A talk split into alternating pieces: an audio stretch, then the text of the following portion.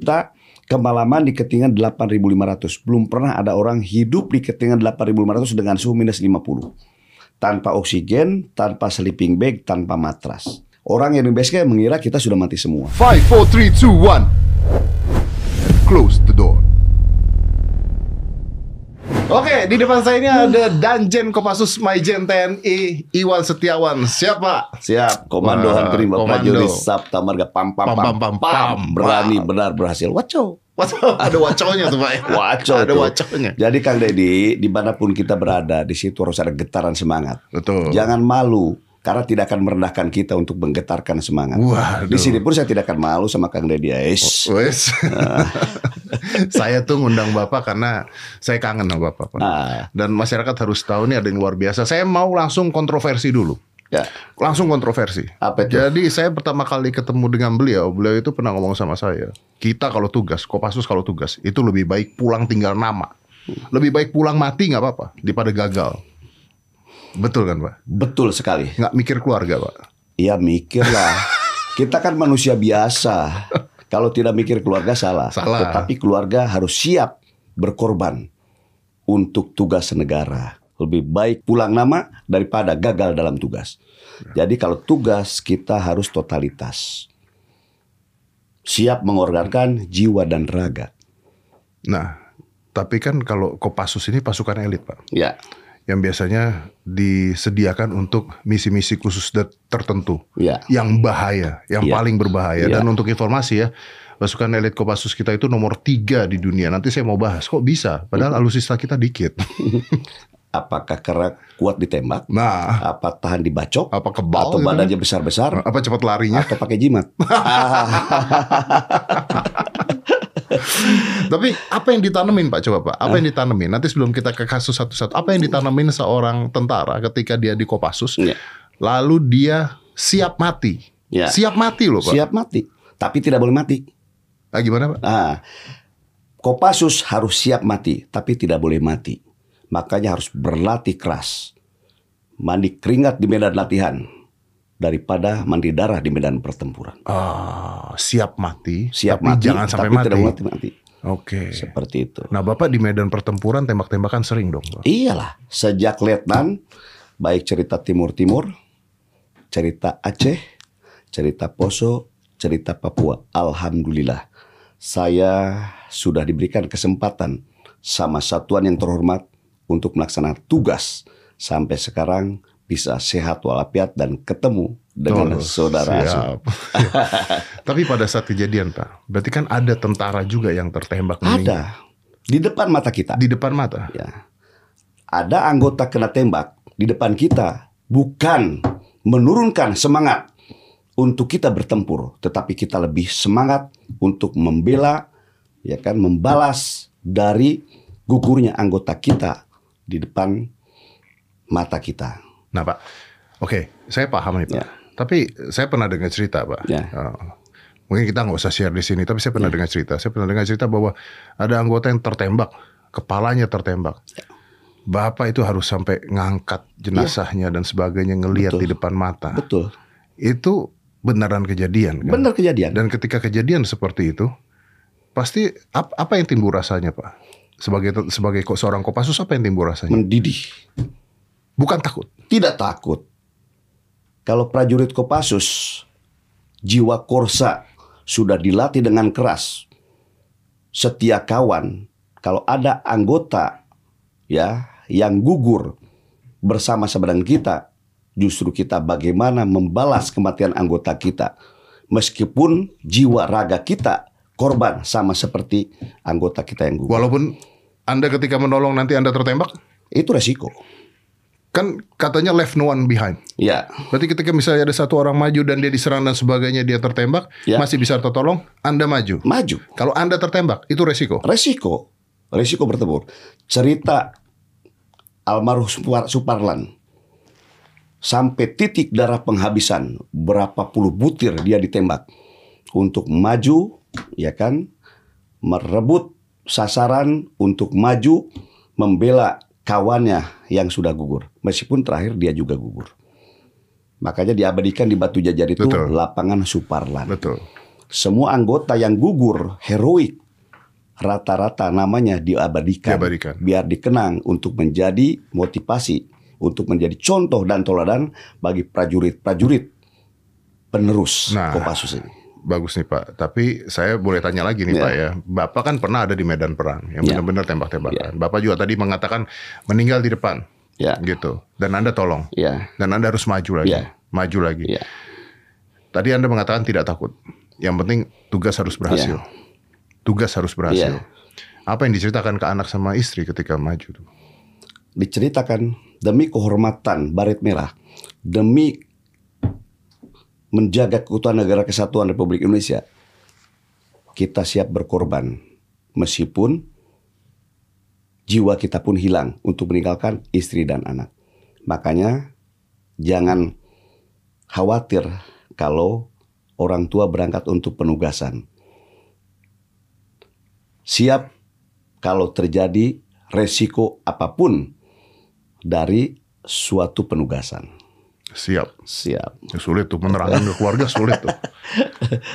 Yang paling menantang di mana, Pak? Yang paling menantang sebetulnya semua tempat berbeda. Cerita Timur-Timur, cerita Aceh, cerita Papua. Yang paling berat secara baik medan, cuaca, transportasi adalah Papua. Kang Dedi, saya pendaki gunung. Ketinggian kita di Republik ini, ya kan kalau di Jawa rata-rata ketinggian 3000. Hmm. Menghadapi Papua ketinggian 4000 lebih, sekitar 12000 feet. Nafas pun susah. Ya, napas pun sudah mulai susah karena Pak oksigen tipis. Oksigennya tipis. Ya kan. Kemudian yang kedua, medannya bukit-bukit, tebing-tebing yang memang begitu sulit.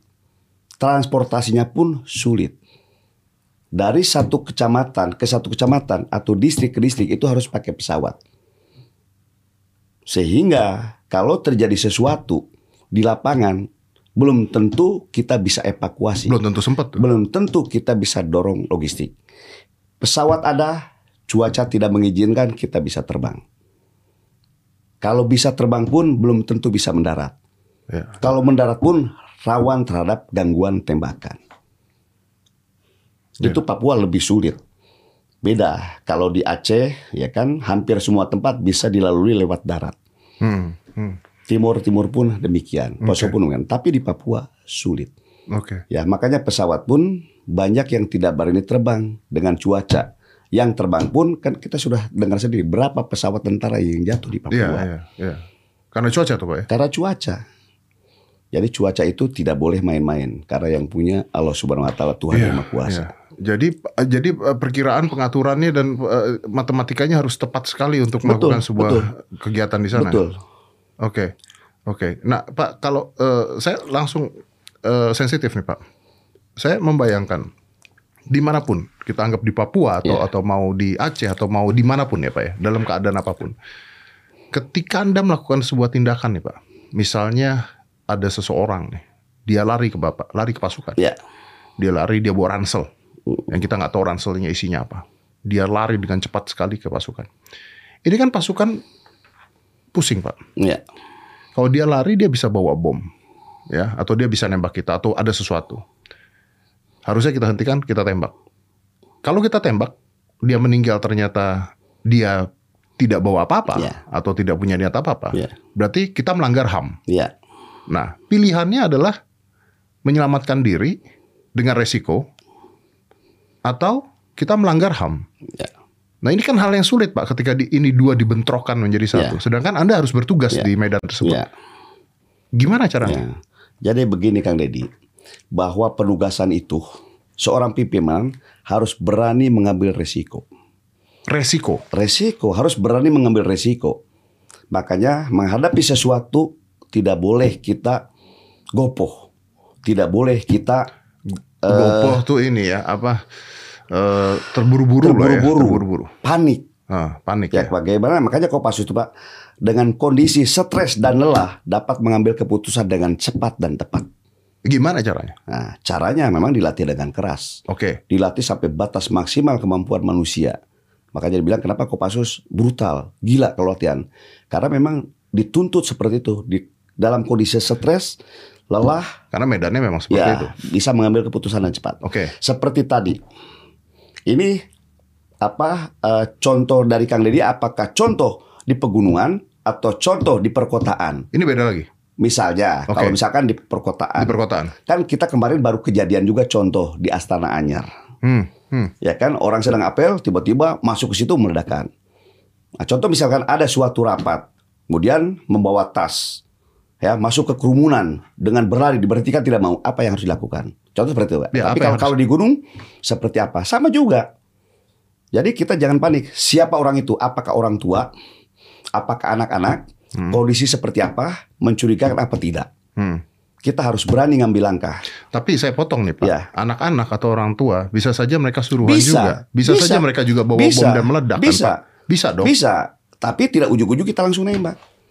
Oke, apa apa yang Anda lakukan? Yang lakukan, Oke. ya kan? Misalnya ini kejadian Iya, aja ya. iya kejadian. Eh, Contoh, Pak Iwan lagi Iya. lagi memimpin pasukan. ya, Lari nih.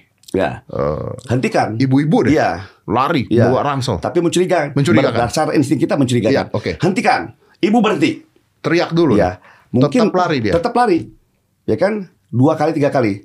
Wah, kalaupun tidak sempat, kita tembak ke atas. Tembak ke atas. Ya, Tetap lari dia, lari. Pak. Tembak kakinya Tembak kakinya. Ya. Oke. Yang tidak mematikan. Yang tidak Ya. mematikan. Oke. Anggap Ya. ketika tembak kakinya karena Ya. dia lari dalam keadaan dan sebagainya, yang ketembak bukan kaki, Pak. Ya. Anggap ketembak badan lah. Ya. Tiba-tiba meninggal, dia. Iya, meninggal. Dan ternyata dia ibu-ibu biasa. Iya. Anda kena HAM dong. Ini kan makanya butuh keberanian menanggung resiko. Karena kita sudah mengambil Karena sudah mengambil satu mengambil langkah-langkah.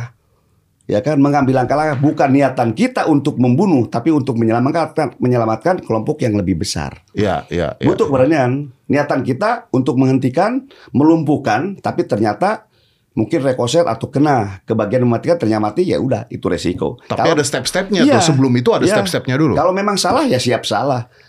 Tentara itu harus berani. Ya kan mengambil risiko apalagi seorang pimpinan. Bahkan yang dilakukan anggota kita harus pertanggungjawabkan.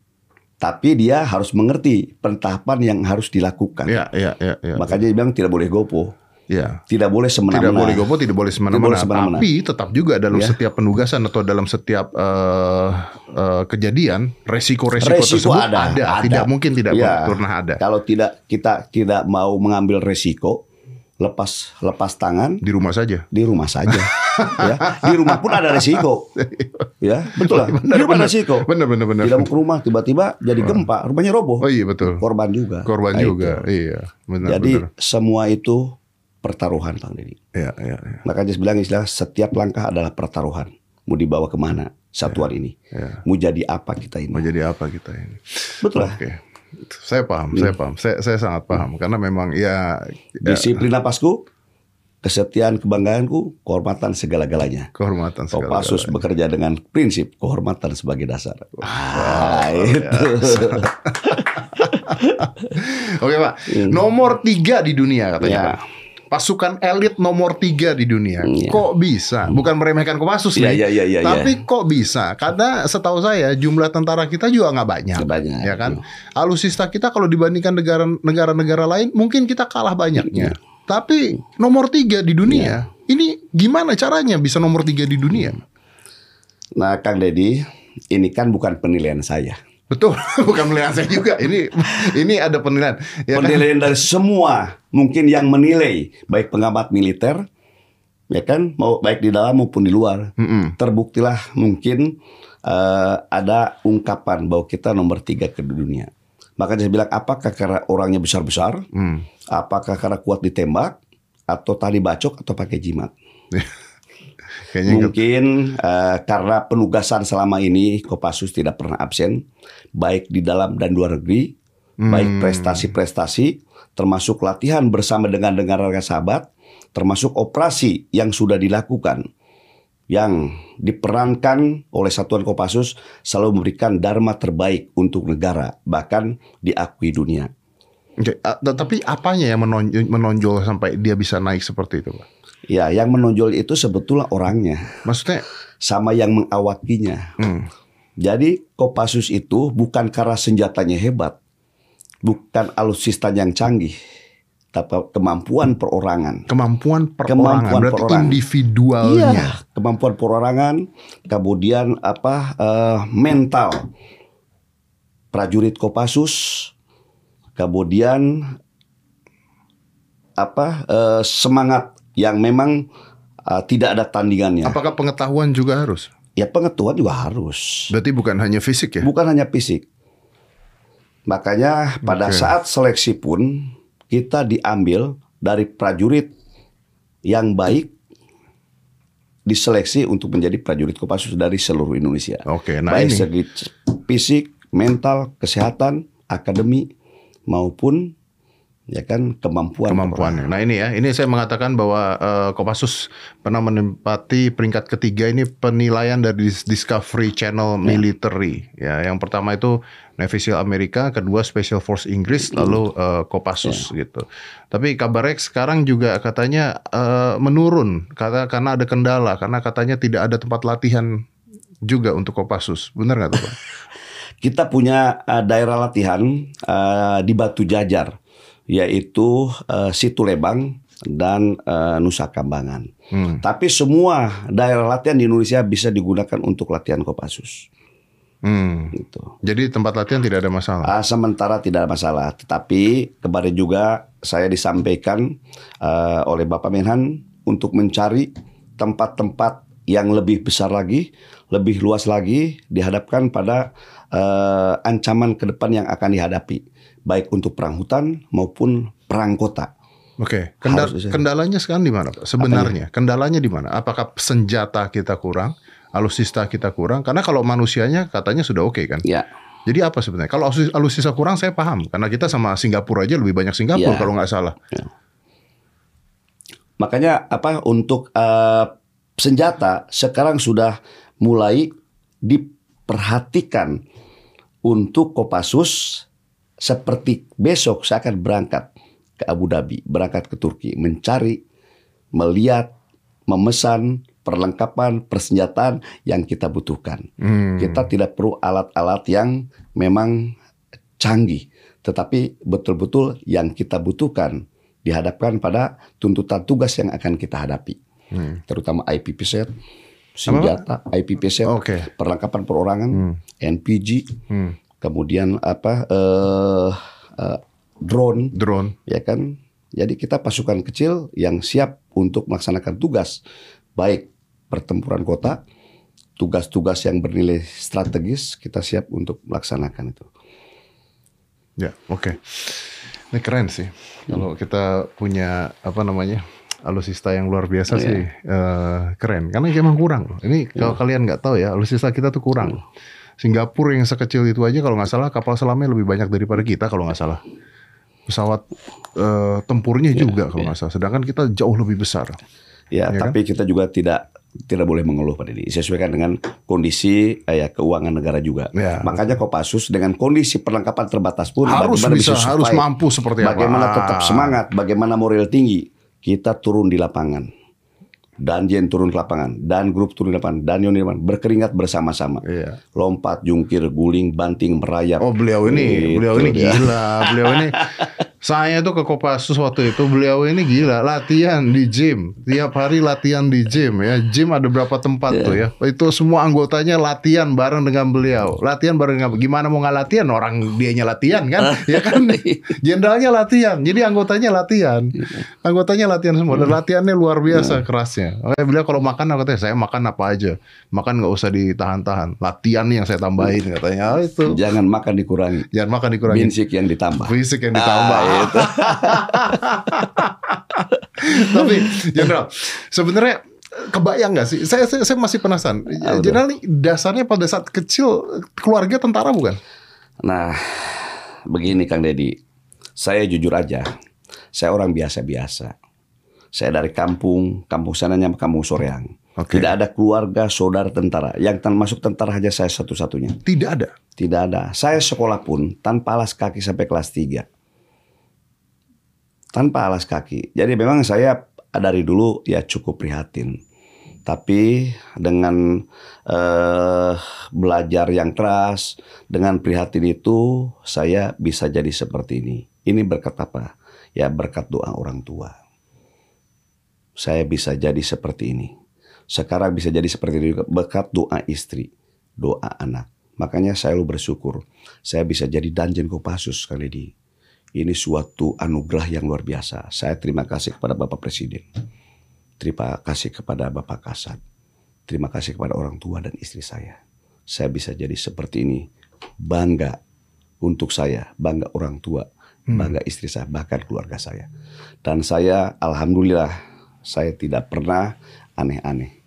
Karena menjaga kehormatan diri, kehormatan keluarga, kehormatan satuan yang barat merah yang telah menjadikan saya seperti ini. Jadi jenderal tuh sendirian berarti dulu? Sendirian. Bahkan saya Anda dulu tuh bukan maaf ya, Anda tuh jadi bukan anaknya jenderal, Bukan. titipan sana, titipan sini, bukan ya? Bukan dari Soreang, dari dari, kampung. Makanya saya harus Sekolah. memimpin memimpin gaya kampung, tapi gaya kampung yang amanah. Iya, Jangan sekali-kali motong hak anggota, iya. tapi kita bergaul, berkawan, bagaimana bisa mensejahterakan anggota. Kampung tapi jangan kampungan, Jangan kampung, Iya, betul. kampung tapi amanah. kampung tapi amanah. Nah, itu. Kalau tadi jenderal mengatakan sekolah jalan kaki sebagai berarti maaf, berarti dari keluarga menengah ke bawah, Iya, menengah ke bawah lah. keluarga susah lah ya. Keluarga susah. Berarti karirnya benar-benar dibangun dari bawah nih. Dibangun dari bawah. Alhamdulillah, saya eh, SD, SMP, SMA, kebetulan SMA itu di lingkungan tentara di Sulaiman. Oke. Saya juga tidak mengerti itu namanya akabri dulu itu. Ikut-ikutan saja. Karena anak-anak eh di lingkungan sekolah itu anak-anak paskas, wah masa depan cerah akabri. Ya ikut-ikut aja. itu juga saya daftar pertama eh, sampai ke Magelang. Oke, ya. Ya kan tidak tahu tiba-tiba pulang. Perasaan bisa semua, kuat semua. Karena dari kampung kan namanya lari Oh, kuat. ya, kan. awal-awal Sampai Magelang. oh, terus pulang. Pulang. Ah ya udah, kita kecewa, ya, akhirnya kuliah. Kuliah normal. kuliah normal di Jatinangor, Oke. oh salah. Tapi di situ saya juga tetap belajar, tetap berlatih, jaga kesehatan. Daftar lagi berikutnya, ya alhamdulillah saya masuk di tahun kedua. Berarti pertama tuh gagal. Gagal. Anda daftar tentara gagal pertama kali. Gagal, ya.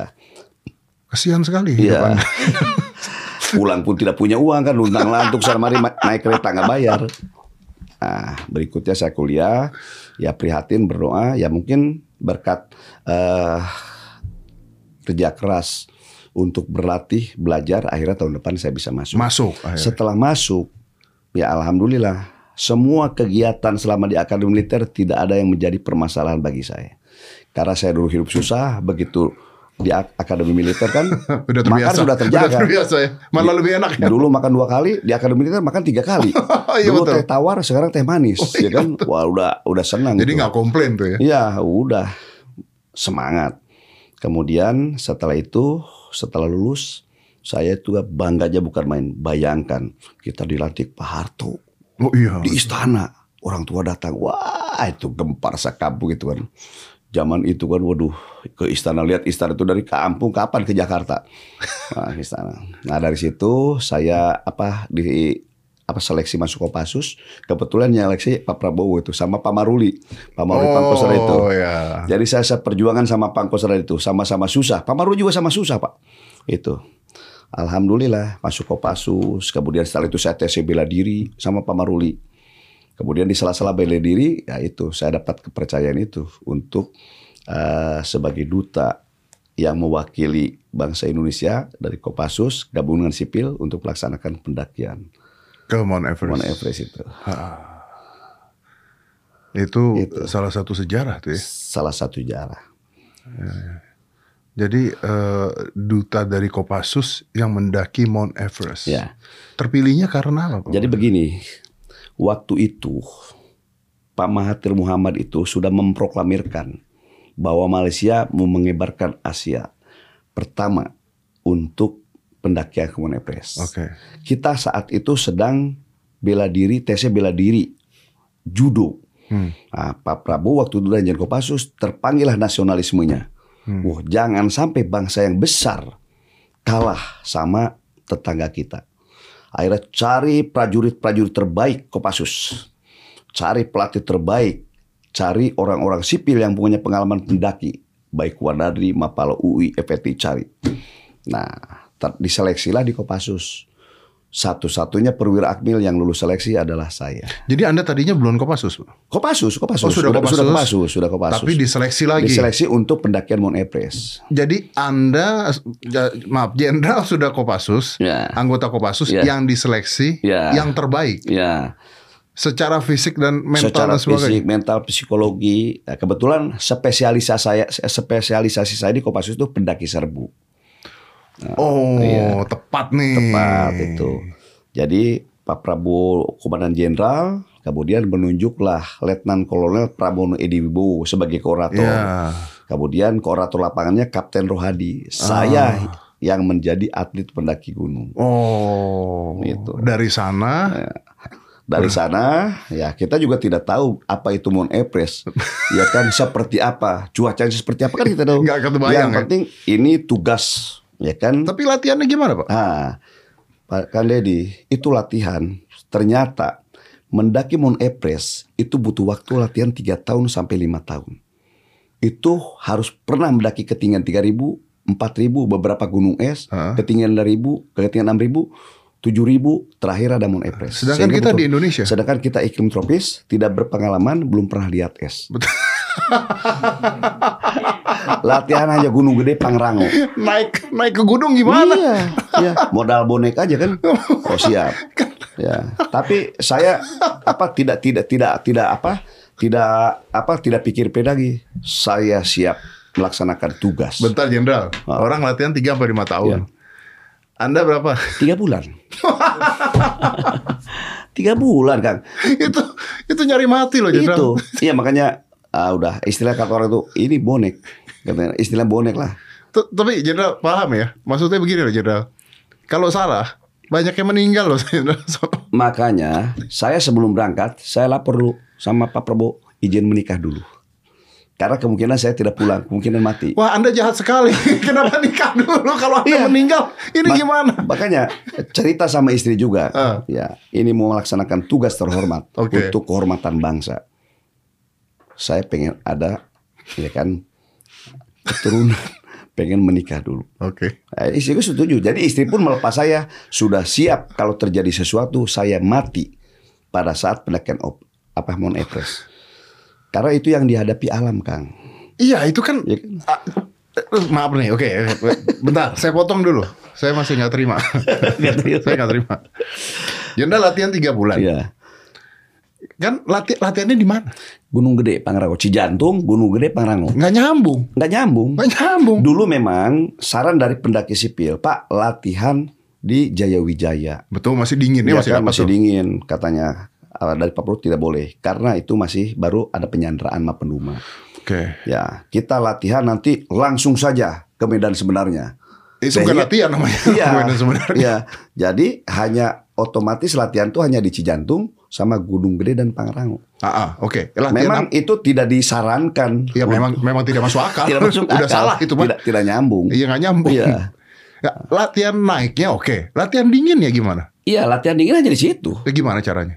Ya, kita hanya di Gunung Gede saja. Makanya kita tidur di atas, kemudian bangun jam 4, kemudian eh, lari dari Gunung Gede Pangrango setiap hari. Iya. Tapi dibandingkan dengan Tapi di kan sana dinginnya tidak beda, ada apa-apanya. Nggak ada nggak ada apa-apanya ada kan? Iya.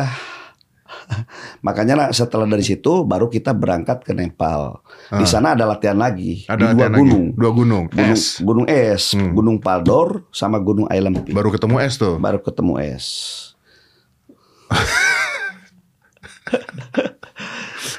Makanya itu adalah proyek gila. Dulu kalau tidak salah kan saya juga dampingi Pak Prabowo ngadep eh, Panglima TNI, Panglima ABRI, Pak Pesal Iya, iya. Kalau tidak salah kan saya di situ juga. Wah, kamu tanggung jawab ya. Kalau ada apa-apa. Tapi kalau berhasil saya jemput. Tapi memang dibuktikan begitu kita berhasil, beliau datang jemput Iya. Bapak Faisal senyum. Iya. Saat mendaki gunung itu ada ini, ada ini Jenderal. Ada momen-momen wah kayaknya nggak bisa nih. Jadi Ada dong. Jadi cerita eh, awal saya berangkat tanggal 18 Desember ke Nepal. Selang dua hari kita harus latihan di Gunung Paldor. Hmm. kita di drop di suatu ketinggian, saya pendaki yang tertua. Tapi begitu di drop, saya baru jalan satu, saya muntah-muntah. Saya tidak bisa lanjut. Ker- karena Karena hipoksia. oke. Karena beda ketinggian dari Indonesia langsung ke Langsung, uh, pegunungan Himalaya. ya. langsung. Jadi saya tidak bisa. Jadi saya langsung tumbang. Pelatih bilang, namanya Anatoly Bukrep, sekarang sudah meninggal. Ada dua opsi. Yang pertama, katanya, kamu tinggal di sini dua hari, kalau bisa sembuh kamu nyusul, Hmm, kalau tidak kamu pulang. Saya tidak mau. Oke. Nah, saya kan di situ merenung, sedih, Hmm. malu. Masa pulang? Masa pulang? Saya perwira satu-satunya akademi militer Betul. yang diharapkan untuk memimpin pendakian Everest. Masa gagal, Iya. ya kan? Dalam tugas. Lebih baik mati daripada gagal dalam tugas. Itu lagi kembali.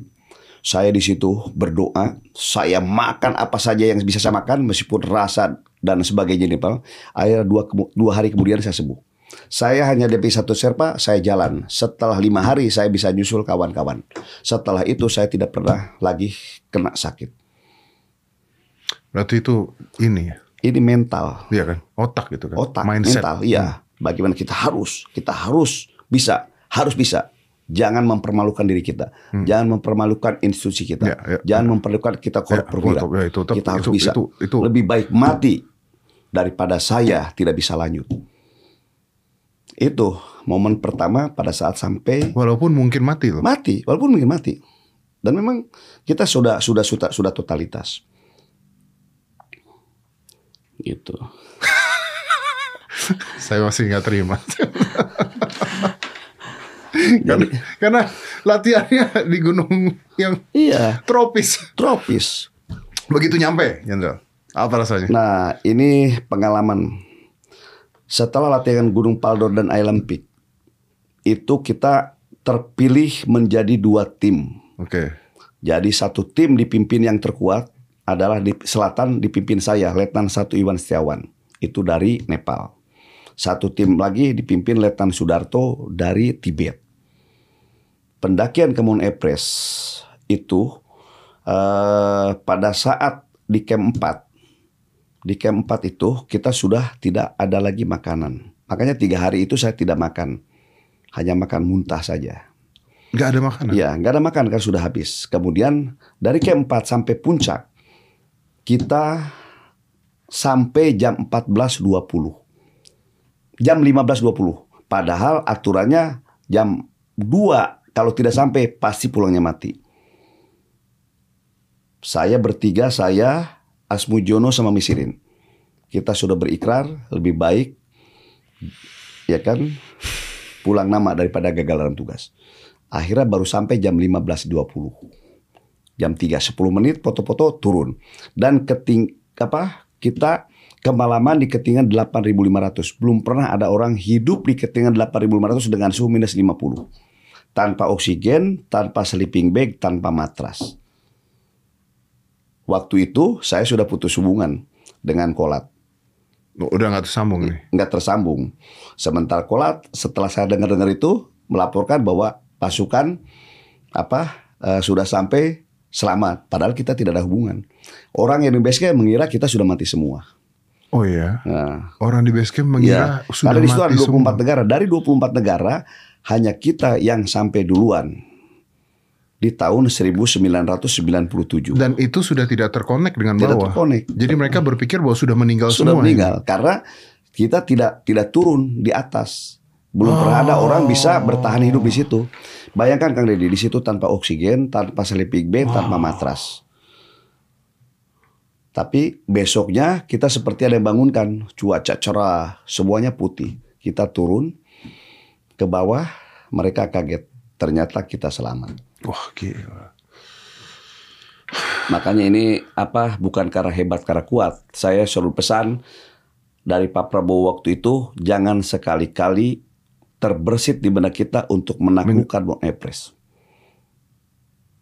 Tugas kita ke sana adalah untuk menziarahi.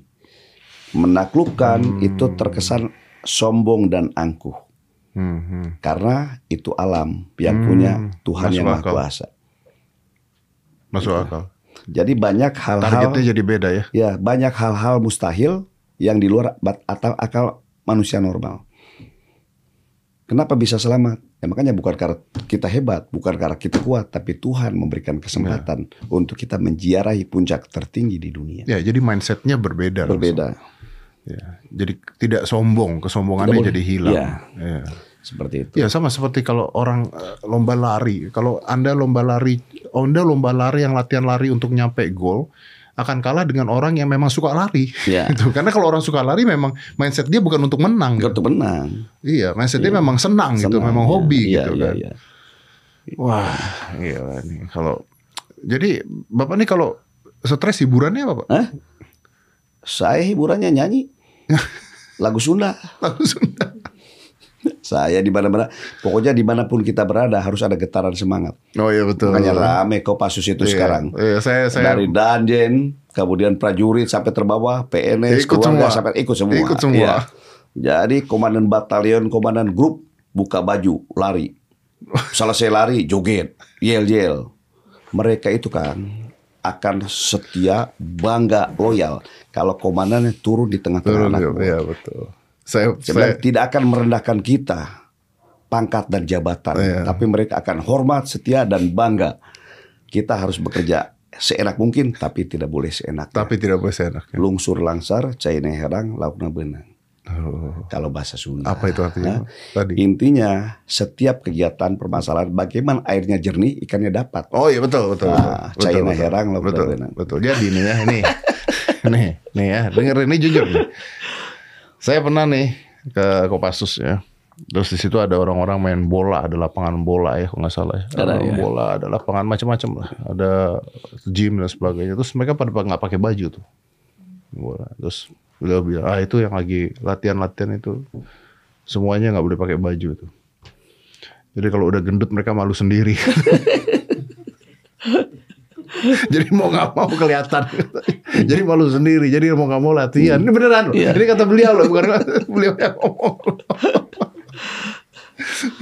Karena memang memang disediakan fasilitasnya fasilitas. ada, semuanya Coba ada. fasilitas yang begitu lengkap Iya. yang diberikan oleh negara. Iya. Masa kita di- tidak nikmati? Masa kita nggak pakai? Maka masa masa kita tidak pakai iya benar. untuk membuat kita jadi sehat, bisa enak makan, sa- tidur nyenyak. Saya aja ngiring lihat gym Anda. Tapi ini ya benar. Saya ketika ke Kopassus, saya lihat ini tempat gym. Eh kita ada berapa tempat gym? Iya. Karena kan jumlahnya banyak anggotanya, ada berapa tempat gym. Saya masuk latihan di salah satu tempat gymnya itu tempat gym udah kayak mega gym. Alat-alatnya tuh bagus. Disediakan oleh negara gitu. Dan alat-alatnya tuh ada dan bagus gitu. Jadi kalau nggak dipakai ya ya buat apa gitu kan. Iya. Iya. Dan Bapak tiap- masih latihan tiap hari, Pak? Latihan. Jadi anggota itu sekarang dia bagaimana apa eh, lari Hmm. harus bagus. Lari harus bagus. Ya, baik lari tanpa beban maupun lari dengan beban dan bersenjata. Kemudian dia juga harus tangkas. Kita ada namanya latihan juga Sparko, Hmm. ya kan? Nah, apa itu, Pak? Yang tanpa Jelaskan, menggunakan alat. Hmm. Ya, Sparko. Jadi yang seperti Kang Deddy lihat ya, dengan menggunakan alat seadanya, Hmm. dia fisiknya bisa bagus. Hmm. Ya, bagaimana dia tangkas, terampil, mujungkir, lompat, guling, banting, Ya, termasuk ya, lari ya. kuat. Ya. Itulah apa eh, apa postur-postur prajurit. Sparko ini yang di lapangan itu bukan? Betul. Yang ya Spartan Komando itu. Spartan Komando kan. Iya. Itu yang jadi dia basicnya tuh eh, aduh kalau istilahnya apa? Jadi body weight training ya. Iya, Body weight training betul, ya betul, dengan betul. alat-alat sederhana Betul, kayak betul, jumping betul. terus eh, chin up Iya, dan betul. sebagainya ya. Makanya Eh, badannya bagus-bagus tuh, Bang. bagus, iya bagus. Sekarang mulai di komandan satuan semuanya mbak harus bagus. Karena kita berikan kesempatan mereka. Di luar itu juga dia mau latihan apa saja kita persilahkan. Hmm. Di sana lapangan bola saja ada berapa? Lapangan futsal, kolam renang, kolam selam, kemudian stadion, mu apa saja ada di sana. Sehingga kalau mereka tidak sehat, mereka tidak memanfaatkan fasilitas yang diberikan Salah negara, mereka. itu salah besar. Ah, Ya kan, bukan berarti salah mereka tapi salah besar. Ya, Nah, betul. dan tidak cocok di Kopassus. Kalau, Kalau- tidak bisa menjaga dan merawat diri. nggak bisa menjaga dan merawat diri. Iya, tidak betul. cocok di Iya, Kopassus. Tidak iya. cocok, Pak. Pak Kopassus itu pasukan yang memang dewasa, yang disiplin. Makanya pangkalan pun harus bersih, Iya. rumah pun harus bersih, Iya. solokan pun harus Iya. bersih. Oh, dilihatin sama dia loh, beneran. Iya, Dilihat Saya bilang rumah saja sebelum masuk pandang dari depan, pandang dan lihat dari depan apa yang tidak pantas dilihat, pandang dari samping. Jangan mem- memelihara merawat barang-barang bekas akhirnya dij- jadi tempat sarang nyamuk. Iya betul. Iya, itu. Makanya Suka saya senang barang bekas kayak mama. jalan-jalan jalan-jalan di komplek Iya. ingatin keluarga Sabtu bersih paling terus satu jam aja setiap hari Sabtu Bebenah bebersih. bebersih, bebersih itu kan Ah. ajak keluarganya dan itu hidup guyup kemudian bapak jalan yang keras perlu keseimbangan hiburan Makanya baik prajurit dan ada keluarga hiburan. ada hiburan Iya, terus Betul, betul, betul. Karena nggak kalau kalau bekerja dengan keras maka bahagia juga harus Iya. ditambah. Dan satu, saya mewanti-wanti selalu urusan istri, anak, orang tua, ya kalau ada apa-apa jangan sungkan untuk izin. Perang masih jauh. Dikala kita kera- perang, meninggalkan anak, istri, orang tua siap berkorban berangkat. Itu bukan pilihan. Iya bukan Iya. pilihan. Tapi kalau di basis jangan sungkan, oh lagi jaga tiba-tiba orang tua sakit atau anak sakit. Jangan sampai tidak tertolong gara-gara kita sungkan untuk izin. Iya, nah, saya berikan keleluasaan seperti itu. iya. Ya. Wah, Jadi yang lainnya pun harus selera menggantikan posisi kawannya. yang ketika lagi Yang ketika ada, ada musibah, masalah, ada seperti itu. musibah. Itu Iya. kan wujud perhatian kita. Eh, Jenderal, kalau di Kopassus latihan doper tuh apa Jenderal? Nah, doper itu adalah melatih keberanian prajurit. Mm-mm. Di mana dia bergerak di bawah tembakan, di peranggapan tembakan musuh. Jadi dia bergerak merayap, ditembak dari Tembak jarak dari jauh. itu ya. Iya, dari jarak jauh kan. Yang jaraknya hanya satu jengkal dari badan. Resikonya ya memang tinggi. Makanya negara-negara asing yang Melihat datang ke tempat kita tidak ada yang berani satupun yang ikut latihan seperti ini latihan latihan gila. Iya, saya mau nanya satu. Tembakan ya, Ya, di lock atau pegang bebas? Hmm? Pegang. Pegang bebas. pegang. Kapan Kak Redi saya ajak Eh, lihat, saya ajak lihat, ya. Lihat, bukan mencoba. Ribuan peluru. Pernah ada kena? Pernah. Ya itu resiko. Namanya peluru, ya kan tiba-tiba ada batu kan suatu resiko. Ya. Tapi itu melatih kepercayaan diri. Sehingga pada saat di daerah operasi begitu kena tembak, bukan kita nyungsep, tetapi bagaimana kita berani bergerak mengejar musuh. Kita tidak siap mati tapi tidak boleh mati. Makanya gunakan taktik, gunakan perlindungan. Orang kalau banyak buka tembakan berarti akan menunjukkan bahwa dia adalah pengecut. Dia akan menunjukkan posisi dia berada. Jadi kalau misalnya lagi dalam keadaan berperang ketika ada tembakan apa yang harus dilakukan Ya. malam-malam gitu? Ya malam-malam itu jangan asal buka tembakan balas tembakan ke arah mana. Malam kan tidak kelihatan. Kecuali kita PENPG. Ya, ya. Ya kan bisa melihat jarak berapa.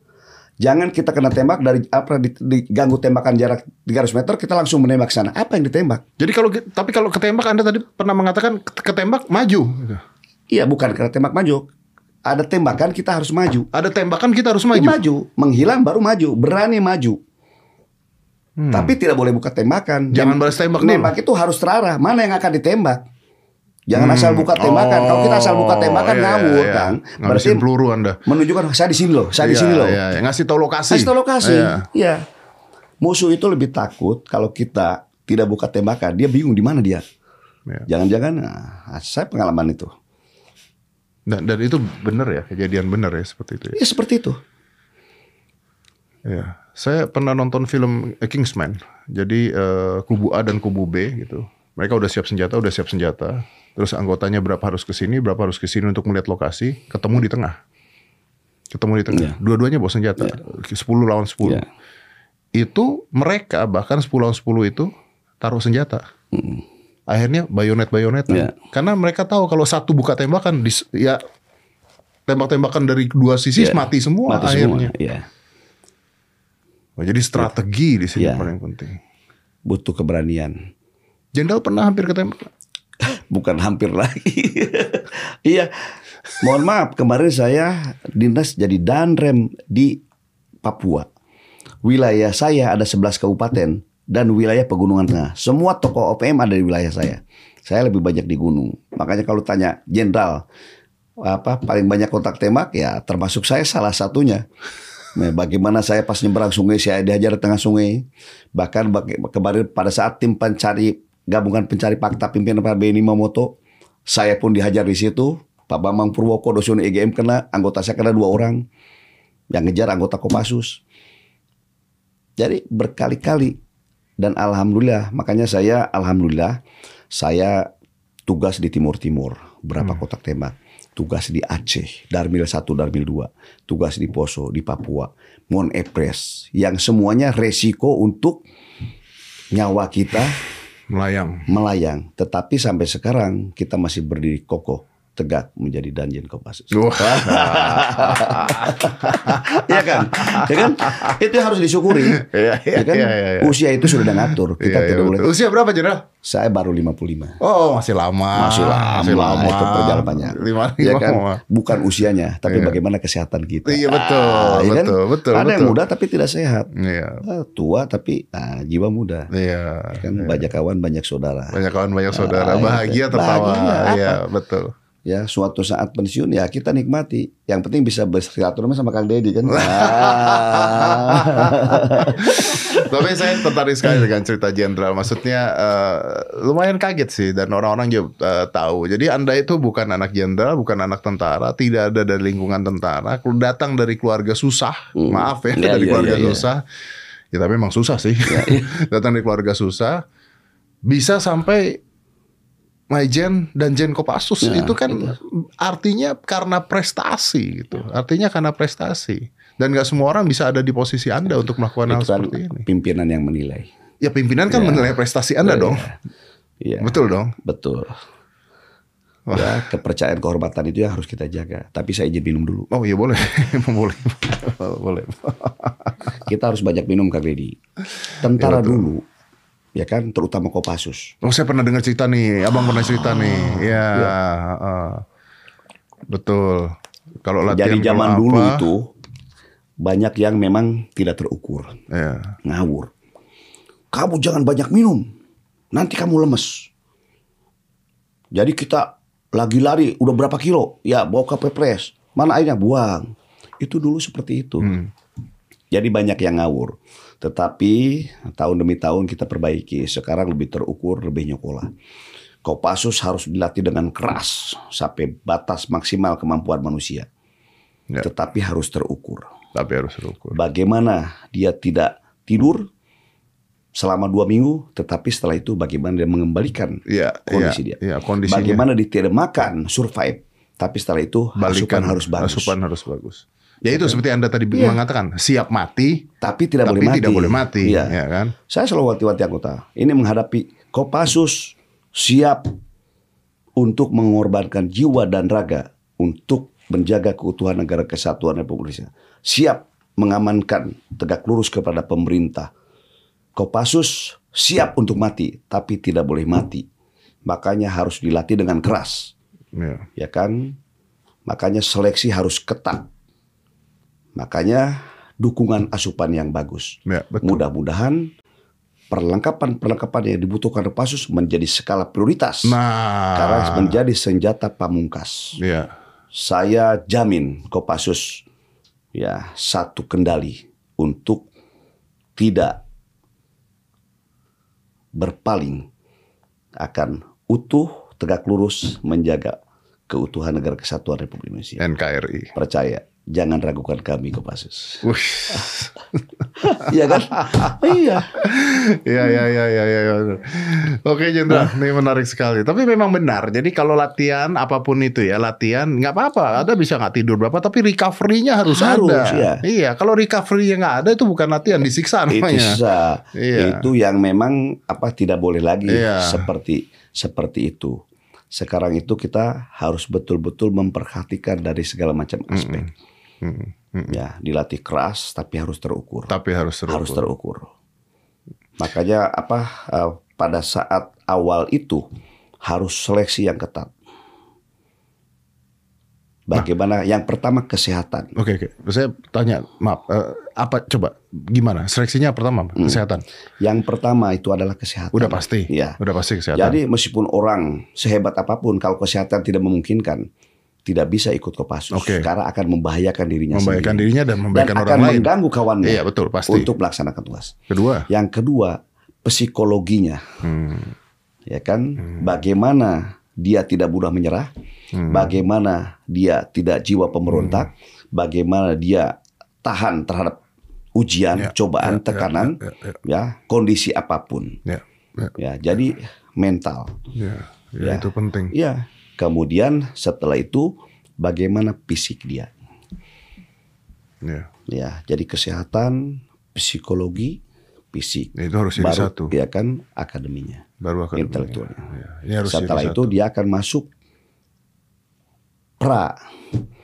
Pra itu jadi kita akan menyelih. Kalau dulu mau masuk ke Pasus itu harus pernah di satuan dan tugas operasi dulu. Kalau dulu. Dulu. Sekarang kan daerah operasi di mana? Hmm. Sehingga sekarang ya kan situasional. Tapi yang habis selesai pendidikan yang ada di kodam-kodam akan diambil dari yang terbaik.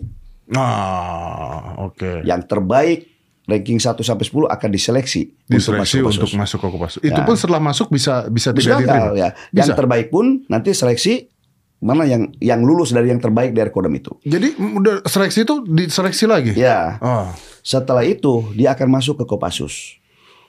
Masuk ke Kopassus dia tidak akan pendidikan dulu.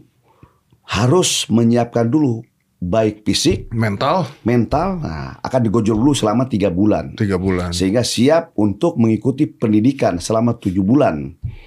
Jadi bisa gagal di tiga bulan pertama juga. Bisa, bisa. Setelah itu baru pendidikan Ya, tujuh bulan. Ya seperti sekarang. Ini sudah tiga bulan di latihan, kemudian baru kita pantauin seleksi lagi. Bagaimana kondisi fisiknya, Hmm. bagaimana kondisi kesehatan. Tapi Jenderal kalau misalnya perilakunya seperti itu, artinya anggota Kopassus tidak akan jadi banyak dong Apanya? jumlahnya nanti. Dan Kopassus memang tidak banyak, Iya sih. terbatas. Karena memang eh, kita hanya ngambil iya, iya, iya. untuk tam-tama itu sekitar 100 orang dari sekian ribu sekian, Iya. dari se- semua kod- kodam.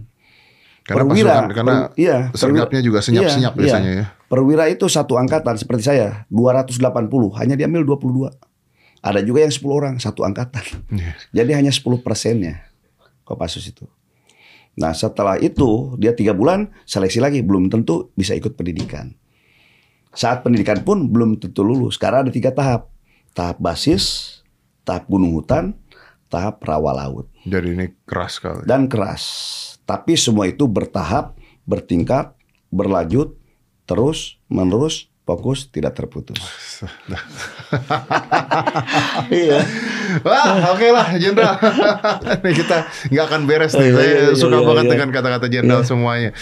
Jadi eh, sekali lagi nih, teman-teman. Kalau anda pernah nggak tahu nih mungkin satu saat boleh kali ya buat masyarakat atau apa begitu mungkin open house jadi Kopassus bisa memperagakan kemampuan-kemampuan Boleh, ya kan iya.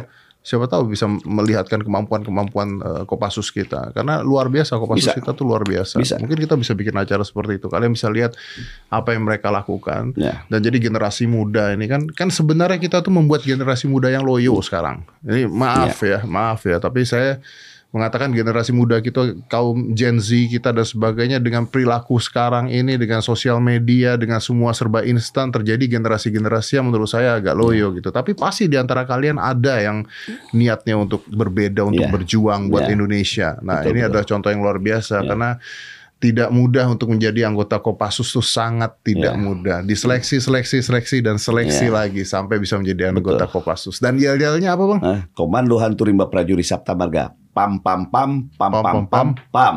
Berani, benar, berhasil. Watch out. Banyak sekali yel itu kan jadi. Banyak iya beda-beda. Dan kalau sudah di lapangan, timbul aja yel yel yel yel baru itu. Keluar sendiri. Ya. Saya latih yel yel sendiri, saya latih joget sendiri. ya, joget komando itu kan ini terserah joget komando. Ya asalnya dari komando dari Kopassus. Iya. Makanya saya bilang semua anggota harus tahu. Jadi ke mana pun kau berdinas bertugas, kau harus jadi motor, kau harus jadi leader, dan kau harus jadi contoh dan toladan. Joget komando. Ya, ya, mau joget komando, mau taktik tempur, apa saja, Kopassus harus pasti biasa menjadi contoh Contoh dan ya. menjadi instruktur. jadi instruktur. Dan Anda yang buat jogetnya. Ya, kita latih sendiri. Tapi itulah wujud kebersamaan, wujud soliditas, ya kan, yang tidak bisa dinilai dengan Nggak bisa, apa pun. nggak bisa. Karena Ya. anggota pun harus mencintai atas harus mencintai. Jadi apa anggota harus mencintai kita, tapi lebih baik lagi kita mencintai anggota. Weh. Ya kan, Kopassus bukan hanya tugas militer saja. Di luar militer, pesta harus tampil. Kita cerita dulu, ya kan, bencana apa saja, mau merapi, mau tsunami, mau di mana saja pasti Kopassus terdepan. Ya. Ya. Kalau untuk bangsa dan negara, untuk masyarakat, kita tidak tunggu-tunggu. Bagaimana bergerak dengan cepat, perlengkapan, personil untuk membantu kesulitan rakyat. Sama seperti perintah kasat. Memang seperti itulah ciri-ciri angkatan darat. Apalagi Kopassus harus menjadi leader. Harus jadi leader. Menjadi solusi di tengah-tengah kesulitan rakyat. Itu aja. Tidak boleh kita sombong. Tidak boleh kita jaim. Sombong nggak boleh, jaim nggak boleh. Nggak boleh. Pangkat jabatan itu kan selesai nanti Kang Deddy. Iya betul. Iya kan? Betul. Selesai. Umur juga selesai. Umur juga selesai. Iya. Ya, makanya saya juga saya pesan wanti-wanti kepada senior-senior. Apa yang dibutuhkan apalagi kendaraan, perlengkapan, ambulan kalau ada yang sakit, sampaikan kepada kami. 24 jam Kopassus siap bantu purnawirawan Kopassus. Tapi jangan kiri kami ke ranah politik. Kami akan punya batasan-batasan untuk menjaga kehormatan Baret Merah. Kan seperti itu. Jadi saya datang itu. Ibu Bedi Murdani, Ibu Yogi SM, Bu Edi Sudrajat, Ibu Wismu semua saya datangin silaturahmi.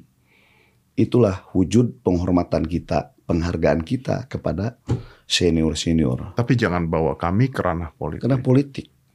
Karena kami adalah satuan yang memang untuk menjaga kehormatan dan untuk menjaga keutuhan negara kesatuan Republik Indonesia. Iya. Karena Kopassus seksi.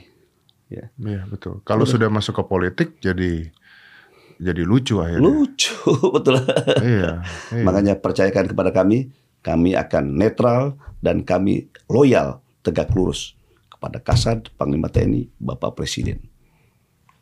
Pancasila dan NKRI. Pancasila dan NKRI harga mati. Harga mati. Pam pam pam pam. Pam. Jenderal, terima kasih banyak. Iya. Terima kasih banyak. It's such an honor kedatangan eh, Jenderal di sini. Nanti kapan-kapan saya latihan lagi di sana Ah, Jenderal. ya. boleh. Wah, Pokoknya Kopassus itu untuk Indonesia. untuk Indonesia. Ya.